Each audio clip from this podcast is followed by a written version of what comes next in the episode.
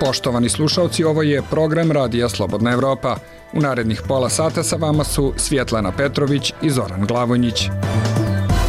Evropski savet odobrio viznu liberalizaciju za Kosovo i zaslanik Evropske unije Miroslav Lajčak u poseti Prištini. Ustavni sud Crne Gore odbio žalbe na izbore u Podgorici. Devet ljudi poginulo u ruskom raketiranju Ukrajine, saopštio Kijev. Guverner Balka poginuo u bombaškom napadu u Afganistanu. U nastavku emisije čućete i šta o šansama za sporazum Srbije i Kosova o normalizaciji odnosa za Radio Slobodna Evropa kaže bivši premijer i šef diplomatije Grčke Jorgos Papandreou. Možda smo na prekretnici sa osnovnim sporazumom kada se pojave šanse moraju da se iskoriste. Ne postoji idealna rešenja, ali moraju se iskoristiti prilike da bi se krenulo napred kao i da Srbija muku muči sa više od 3000 divljih deponija. Pa ima i pasova, ima i napuštenih pasa, hrane se otpacima i tu spavaju i onda ovaj, u čoporu napadaju ljude, auto koja je nepodnošljiv smrad. Slušate radio Slobodna Evropa. Evropski savet odobrio je viznu liberalizaciju za građane Kosova, saopšteno iz tog tela. Kako se navodi, to će imaocima kosovskih pasoša omogućiti da putuju u Evropsku uniju bez viza do 90 dana. Dodaje se da će odluka stupiti na snagu kada Evropski sistem za putne informacije i autorizaciju počne da radi ili od 1. januara 2024. te da sada treba da je usvoji Evropski parlament pre potpisivanja i objavljivanja u službenom glasniku Evropske unije. I zaslanik Evropske unije za dijalog Miroslav Lajčak započinje dvodnevnu posetu Prištini, nakon koje u ponedeljak i utorak boravi u Beogradu.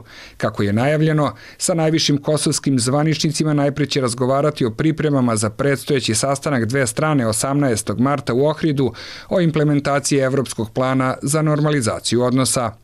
Jorgos Papandreou, nekadašnji ministar spoljnih poslova i premijer Grčke, izjavio je za Radio Slobodna Evropa da je sada šansa da se Srbija i Kosovo okrenu budućnosti. There may be, there has been now a basic agreement by, between uh, Možda smo na prekretnici sa osnovnim sporazumom Kosova i Srbije. Sledeći njihov sastanak je u Ohridu i nadajmo se da će se saglasiti o primjeni tog sporazuma.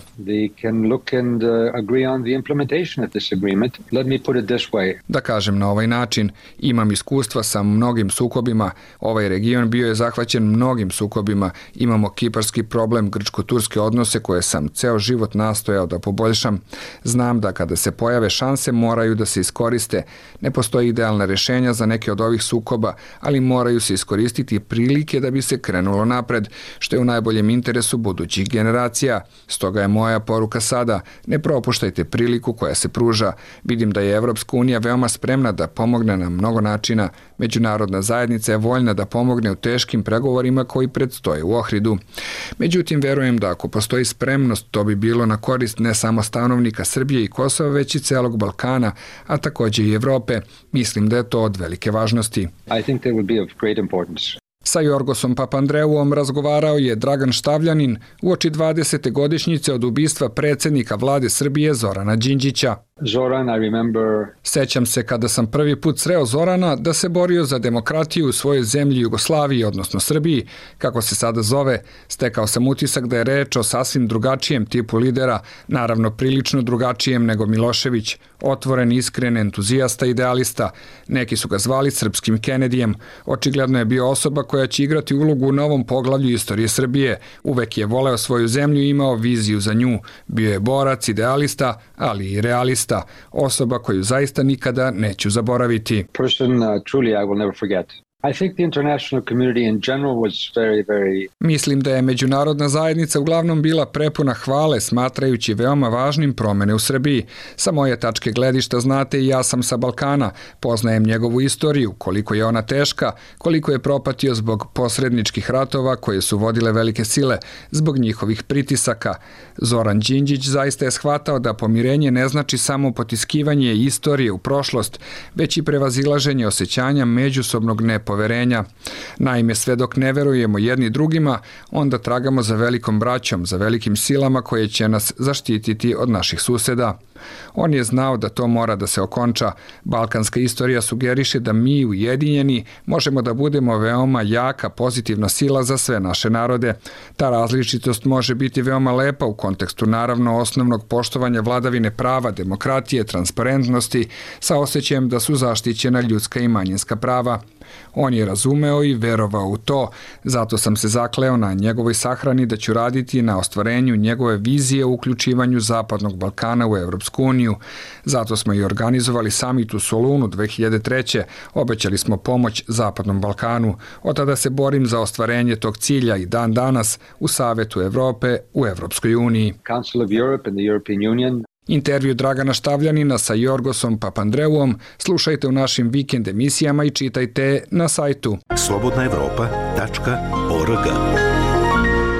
U ruskom raketiranju Ukrajine devet ljudi je poginulo, a ponovo je prekinut dotok električne energije u nuklearki Zaporožje na jugu zemlje, saopštio je Kijev, prenosi Dušan Komarčević. Zvaničnici Ukrajine su saopštili da je Rusija u napadima u četvrtak ispalila 81 projektil, što je najveći napad u poslednjih nekoliko nedelja.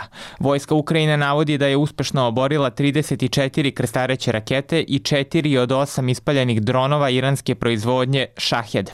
Ovo su najintenzivniji napadi ruskih raketnih udara na Ukrajinu od kraja januara, kada je 11 ljudi poginulo nakon što je na desetine zgrada pogođeno u nekoliko regiona.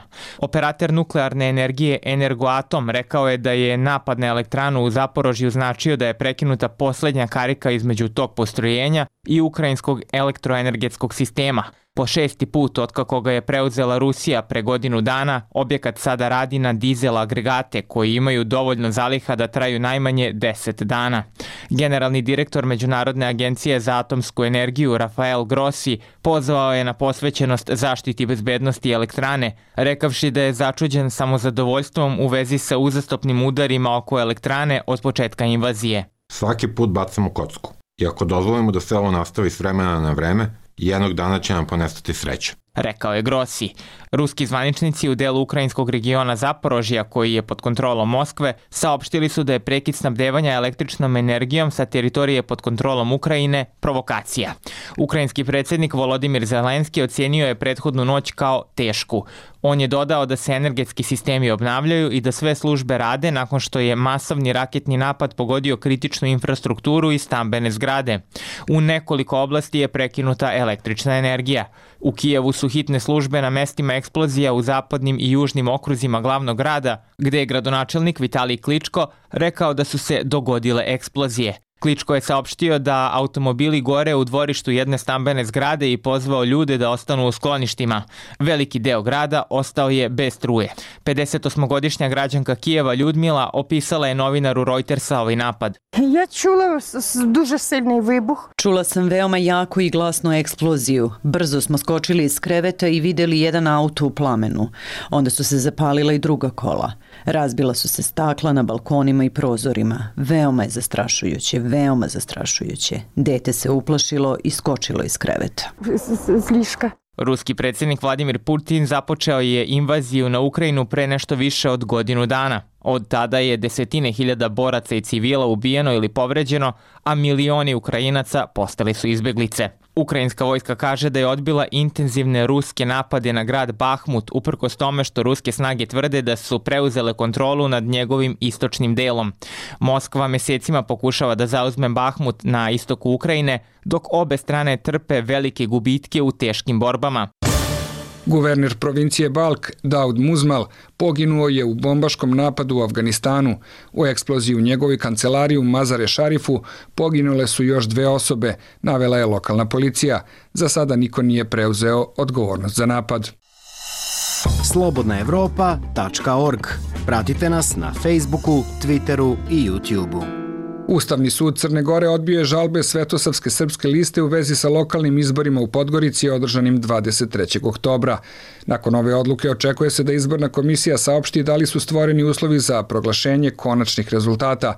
Na tim izborima Demokratska partija socijalista Mila Đukanovića izgubila je nakon 24 godine vlast u glavnom gradu, dok ju je osvojila opozicija zajedno sa novoosnovanim pokretom Evropa Sad. Deset dana ostalo je do predsedničkih izbora u Crnoj Gori. Vuk Vuković, profesor Univerziteta u Podgorici, za naš program kaže da kandidati najjače verbalne poruke čuvaju za eventualni drugi krug koliko je narativ kandidata za predsjednika je li specifičan ili drugačiji u odnosu na ranije kampanje, koliko je u skladu sa njihovim je li, e, dosadašnjim politikama. Ova kampanja koju do sada gledamo je vrlo mlaka i ona se ne razlikuje gotovo ni po čemu u odnosu na ono što je naš standardni komunikacioni okvir i ponašanje političara u kontekstu medija, zato što mi živimo jednu konstantnu izbornu kampanju gdje su te polarizovane strane nategnute do neke opšte krajnosti, tako da u tom smislu je vrlo teško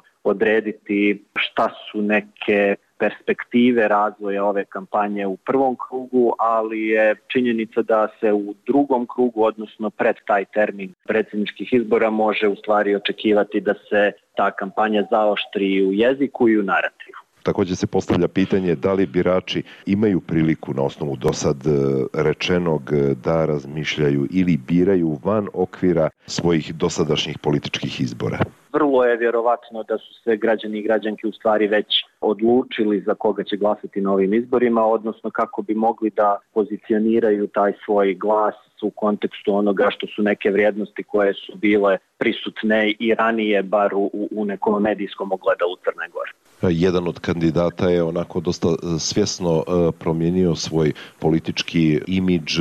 Nema onog narativa po kojem je e, bio poznat prethodnih 20 godina, koliko to može pomoći, koliko je to sa druge strane rizičan politički potez taj zaokret koji se desio kod Andrije Mandića prosto je nešto što je komunikacijska preporuka koja se vjerovatno desila na nivou konsultacija određenih marketinških eksperata koji prosto vode kampanju i prosto je prepoznato da njegova retorika je takođe nešto što dijeli Crnu Goru. Međutim, možemo se podsjetiti da je takvu vrstu nekog narativnog transfera, odnosno narativnog preokreta svoje vremeno imao i kandidat DPS-a, tako da u tom smislu mi u stvari ne možemo da dobijemo na ovim izborima ništa što već nije viđeno.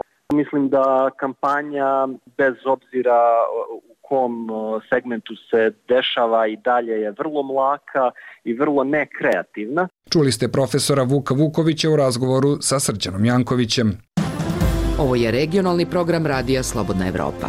Slušajte nas svaki dan u 18 i 22 sata. Policiji u Banja Luci prijavljeni su napadači na dve učesnice 8. martovskog marša nakon što su im u sredu na skupu u tom gradu oduzeli zastavu duginih boja. Kako prenosi Marija Ugostinović, za juni u Sarajevu najavljeno održavanje četvrte parade ponosa, dok je za 19. mart u Banja Luci planirana projekcija filma o ljudskim pravima. Grupa mladića napala je u srijedu učesnice osmomartovske šetnje u Banja Luci. Jedna od njih je odgurnuta, a druga je zadobila udarac, a napadači su joj oteli LGBTIQ zastavu duginih boja koju je nosila govori Milica Pralica iz organizacije Oštra Nula. Slijedi nam sad institucionalna borba, četvorice su bila njih ili protorce, sada se ono ne sjećam. Kolegica Nevenu koja je sa mnom nosila zastavu je gurnuo, mene udario po ramenu i crgao su nam zastavu, mi smo pokušali da je ovaj, vratimo, ono kukavički su ovaj, pobjegli, mada su i prije samoga ovaj, okupljanja su počela okupljati grupa mladića koja je uh, uzimala kamenje, ali smo ih redari su ih ovaj, uh, snimali, isto tako je bilo je homofobnih ispada ovaj, iz auta. To je bukvalno su nam svašta ono, govorili da smo ono, pederi, ono, da vam treba, treba zapaliti, pobiti sve i tako slično.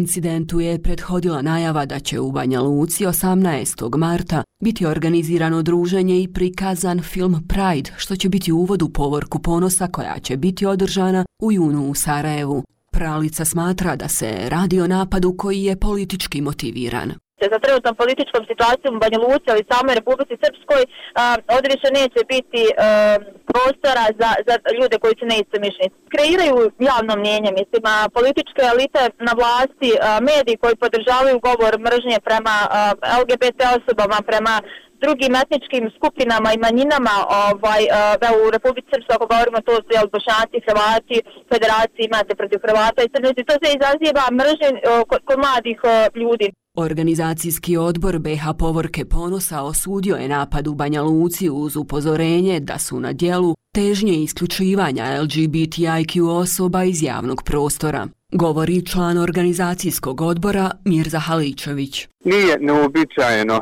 da s jedne strane imate nekako vrijednosti kao što su nacionalizam, fašizam, patrijarhat, heteronormativnost i da oni rade skupa i da targetiraju namjenski neke manjinske ranjive, ranjive grupe.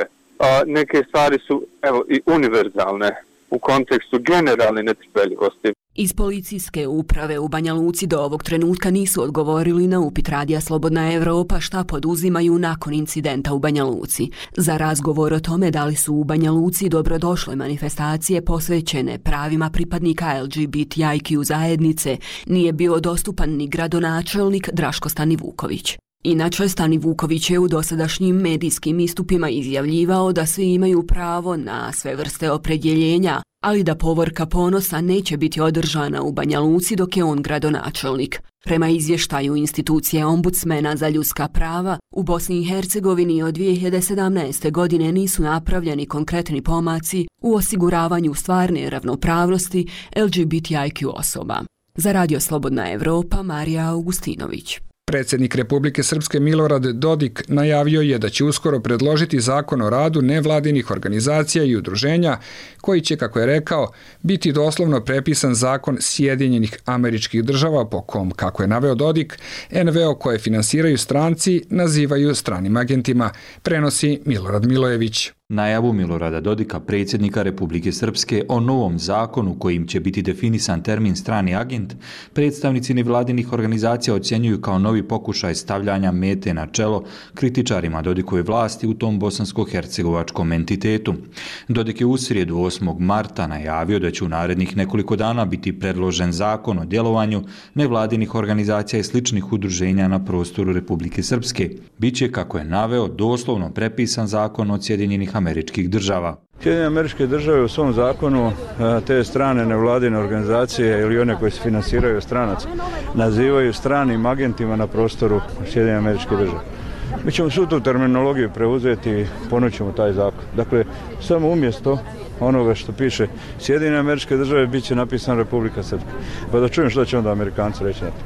A to podrazumijeva da prijavite svaku vrstu transakcije i sve ono što se djeluje i radi. Dodikova najava uslijedila je nakon što je organizacija Transparency International Bosne i Hercegovine ponovo ukazala na potencijalni sukob interesa jer članovi porodice Milorada Dodika koji obavlja javnu funkciju primaju značajne dotacije iz entitetskog budžeta. Ocjenjuje se i da je to odgovor na oštru reakciju novinara i nevladinih organizacija na nacrt izmjena entitetskog krivičnog zakona kojim se kriminalizuje kleveta, Prema tom nacrtu za klevetanje su predviđene novčane kazne u iznosima od oko 2000 do čak 50.000 evra. Ivana Korajlić, izvršna direktorica Transparency International u Bosni i Hercegovini, kaže za radio Slobodna Evropa da se po onom što je Dodik najavio može zaključiti da će zakon o stranim agentima u Republici Srpskoj biti bliže ruskom modelu, a ne američkom zakonu, jer američki definiše oblast izbora i lobiranja. Znači to bi praktično značilo da se uspostavlja nadzor nad radom organizacija, da se uspostavlja potpuna kontrola, da se čak pojedinci koji su tu zaposleni targetiraju. Slično razmišlja i Siniša Vukelić, predsjednik kluba novinara Banja Luka i urednik portala Kapital.ba, navodeći za radio Slobodna Evropa da bi osobama koje bi bile pogođene zakonom o stranim agentima mogao biti ugroženi život, a ne samo finansijski opstanak. I oni ne rade ovo da bi upratili tok novca tih nevladinih organizacija, već rade da bi stavili metu na čelo ti ljudi u organizacijama, da bi označili te organizacije kao neprijatelje Republike Srpske. Prijetnja novim zakonom koji bi nevladine organizacije podveo pod strane agente nije novijeg datuma. Tako se i 2015. godine govorilo o usvajanju takozvanog američkog zakona o nevladinim organizacijama koji je predviđao uplitanje u rad NVO sektora. I sredinom 2018. godine Milorad Dodik najavio je zakon o stranim donacijama. Tada zakon nikada nije došao pred vladu. Međutim, na posebnoj sjednici Narodne skupštine koja je održana početkom prošle godine, vladajuća većina u entitetskom parlamentu usvojila je zaključak kojim se od vlade traži da dostavi zakon o finansiranju nevladinih organizacija u Republici Srpskoj. Za radio Slobodna Evropa iz Banja Luke, Milorad Milojević. Zanima vas što se dešava u regiji? Sve možete naći na slobodnaevropa.org. U Srbiji postoji više od 3000 divljih deponija na kojima svake godine završi veliki deo od milion tona otpada, pokazuju podaci Republičke agencije za zaštitu životne sredine. U čitavoj zemlji ima samo 12 sanitarnih deponija po evropskim standardima i čak 135 smetlišta, prilog Branka Vučkovića. U poslednjih nekoliko godina na divljim deponijama širom Srbije u više slučajeva je otkrivena ambalaža u kojoj je skladišten opasan hemijski otpad, a bilo je i nekoliko incidenata sa požarima koji su izbijali na njima. Jedan takav požar na divljoj deponiji u nasilju Metino Brdo u Kragujevcu prijavio je sredinom februara Dejan Milošević iz ekološkog udruženja Prvi prvi na skali. Počinilac ne samo da je zapalio divlju deponiju, nego je usled pojačanog vetra požar krenuo da se širi ka ambulanti i da nije bilo intervencije vatrogasaca bi bila možda zahvaćena i ta zgrada. Jedna od kragujevačkih divljih deponija koja se najčešće čisti, ali i obnavlja je deponija ispod nadvožnjaka, na samo 500 metara od centra grada. Aleksandra Matić koja živi u neposrednoj blizini nadvožnjaka kaže za Radio Slobodna Evropa da deponija na različite načine ugrožava čitavo nasilje u kome ona živi. Pa ima i pacova, ima i napuštenih pasa koji žive na tom đubrištu, hrane se otpacima i tu spavaju na garderobi koju narod baca. I onda ovaj, u čoporu napadaju ljude, auto koja je nepodnošljiv smrad. Stefan Nikezić, gradski većnik za zaštitu i unapređenje životne sredine grada Kragujevca, kaže za Radio Slobodna Evropa da i pored velikog broja sabirnih mesta u gradskom, prigradskom i seoskom području ima mnogo divljih deponija, od kojih se 14 najvećih redovno čiste, ali da je to sizifovski posao, jer ih nesavjesni građani ponovo formiraju na istim mestima. Mi imamo preko 500 sabirnih mesta na teritoriji grada gde sakupljamo otpad. Seoska područja najčešće se stvaraju deponije u koritama reka, gde ekipe javnog komunalnog preduzeća Šumadija ne mogu da priđu i te deponije ostaju tu gde jesu. Opština Veliko gradište je jedna od 135 lokalnih samouprava koje nemaju sanitarnu deponiju, pa otpad odlažu na gradsko smetlište. Ta turistička opština na Dunavu na istoku Srbije je godinama jedna od najčistijih opština, jer u gradu i na putevima nema plastičnih kesa, flaša i drugih otpadaka karakterističnih za veći deo Srbije. Međutim, to je samo privid, jer kako za Radio Slobodna Evropa kaže Dragan Milić, predsednik te opštine. Imamo divlje deponije, mislim da ih imamo preko 30. Imamo gradsko smetlište gde odvozi otpad iz čitave opštine Veliko gradište i to je u dosta lošem stanju, mi to održavamo koliko možemo. Sagovornici Radija Slobodna Evropa ističu da se protiv divljih deponija bore njihovim redovnim čišćenjem, podizanjem ekološke svesti građana i kaznama koje su za ovu vrstu prekršaja veoma blage. Gradski većnik Stefan Nikezić kaže da će Kragujevac od ovog proleća na tom planu uvesti još jednu novinu da a, posle uklanjanja divljih deponija gde je to moguće, vidjet ćemo da sadimo sadnice ukrasnog šiblja ili drveća kako bi sprečili ponovno vlaganje otpada. Radio Slobodna Evropa, Branko Vučković. Prosečna plata u Beogradu po zvaničnim podacima u prethodnoj godini bila je 810 evra. U manjim sredinama taj prosek je daleko niži. Prilog Ive Gajić i Mile Đurđević. Oko 280 km od Beograda u Novom pazaru prosečna plata iznosila je oko 470 evra. To je ujedno najmanja plata u Srbiji. Nedžib Šehović iz Novog pazara za Radio Slobodna Evropa ocenjuje da je razlika u platama razlog za migracije mladih u veće gradove. Zbog platežnih razlika priznaje da se ne osjeća ugodno i odgovornost vidi na državi. To tera i mlade ljude iz ovih gradova jer u Beogradu imate mnogo više šanse i za zapošljenje, i imate mnogo više šanse za neki lični i profesionalni razvoj nego što imate recimo u Novom pazaru i ostalim manjim gradovima. Šehović ocenjuje da je glavni problem u velikim razlikama između prosečne plate u Beogradu i Novom pazaru u tome što je Srbija, kako kaže, veoma centralizovana država. Ja mislim da e, eto, ta prosječna plata bukvalno prati potrošačku korpus, životni standard u različitim gradovima, ipak je Beograd daleko razvijeniji. Meni je glavni eto, tu problem što je naša država jako centralizovana, na primjer, što znači da sav kapital i sve investicije direktno idu u Beograd, a ovim manjim gradovima, manjim sredinama šta preostane, a to nije dovoljno ni za eto, neki puki razvoj kaže Šehović. Dodaje da bi decentralizacija doprinela ravnomernom razvoju svih gradova. Decentralizacija nije na agendama političkih stranaka, uz redke izuzetke. Na pitanje da li je razmišljao o selitbi u Beograd zbog bolje plate, Nedžip Šehović iz Novog pazara kaže da trenutno ima posao u svom gradu, ali da veruje da bi razmišljao o odlasku iz ovog grada da to nije slučaj. Da nemam posao, mislim da bih otišao sa hiljadama, pratio stope hiljade drugih koji su otišli odavde. I Vasilisa Serafimović iz Niša kaže da je veoma nezadovoljna razlikom u prosečnim platama. Kaže da razlika postoji i kada je reč o mogućnostima za zaposlenje.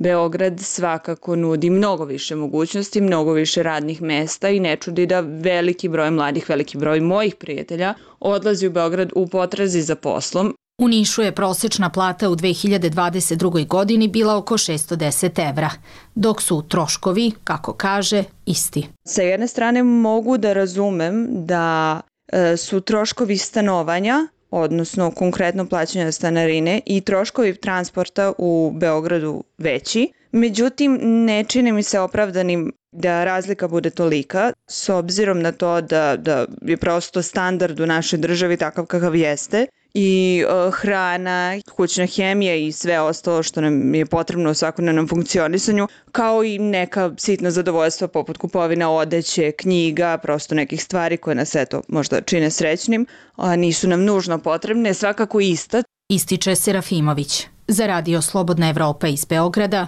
Iva Gajić i Mila Đurćević. Hrvatska dovršava nove mere pomoći građanima zbog poskupljenja energenata.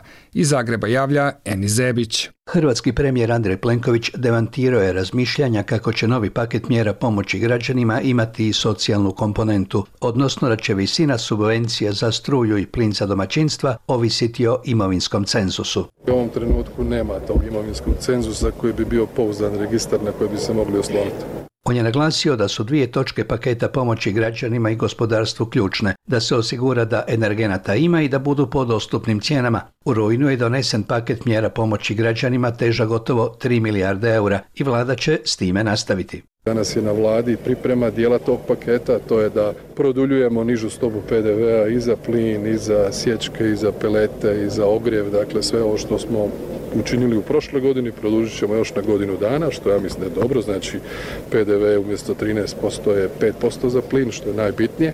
Vlada je najavila da će nastaviti intervenirati u cijenu pogonskih goriva za vozila i da će kontrolirati cijenu plina za domaćinstva i gospodarstvo, što znači da će se izbjeći poskupljenje plina najavljeno za početak travnja od čak 140%. Oporba je skeptična prema vladinim mjerama i onim ranijim i ovim koje se sad najavljuju. Potpredsjednik oporbene stranke socijaldemokrati Domagoj Hajduković kaže za naš program kako je raniji paket bio ad hoc i nimalo proaktivan, pa će takav biti i ovaj pred nama. U pravilu mjere nisu dolazile do onih kojima je trebalo ili barem ne na način i u količini kojima je trebalo, ali smo ih evo, bacali na sve i onima kojima je to trebalo i onima kojima ne. I zbog toga sam jako skeptičan oko ovih mjera. Znači da neće biti promišljene, da neće biti planirane i da će opet biti princip helikopterski, znači bacamo novac kroz prozor pa nadamo se da će doći do onih kojima treba. Hajduković je obeshrabrujućom nazvao Plenkovićevu izjavu kako država u stvari ne zna tko je u ovoj zemlji imućan, a tko siromašan. Pa zašto postoje porezne uprave, zašto postoje ministarstva, od koga država naplaćuje porazi koliko, to bi se trebalo znati. Ako dobijete jednu takvu izjavu, onda vam je jasno da se takve mjere ne planiraju onako kako bi trebale, ne promišljaju i da zapravo nema vizije. Kome pomoći i kako. I to je ono što je obeshrabrujuće. On naglašava kako pozdravlja pomoć vlade građanima, pogotovo što se tiče energetskih izdataka, ali da ova Plenkovićeva izjava i više nego potvrđuje da se radi o helikopterskom pristupu. Hrvatski predsjednik Zoran Milanović očekivano nema nikakvih očekivanja od novog paketa vladinih mjera i iz jedne antibriselske pozicije tvrdi da ni aktualni paket nije pomogao građanima. Pa nikako, mislim kakav paket mjera. Pomoći će im tek kada se inflacija suzbije, a to nažalost više nije u našim rukama, na to Hrvatska nema apsolutno nikakav utjecaj. To nisu ni vatrogasne mjere, jer za vatrogasne mjere trebate vatrogasno vozilo. Ovo su pljuce. Tako da kad kažem ništa nije pomoglo, nešto sitno je, ali oni ključni instrumenti, dakle koji čine razliku, su sada negdje drugdje u Briselu, u Frankfurtu i to je pa pa, nema više. Za radio Slobodna Evropa iz Zagreba, Enis Zebić.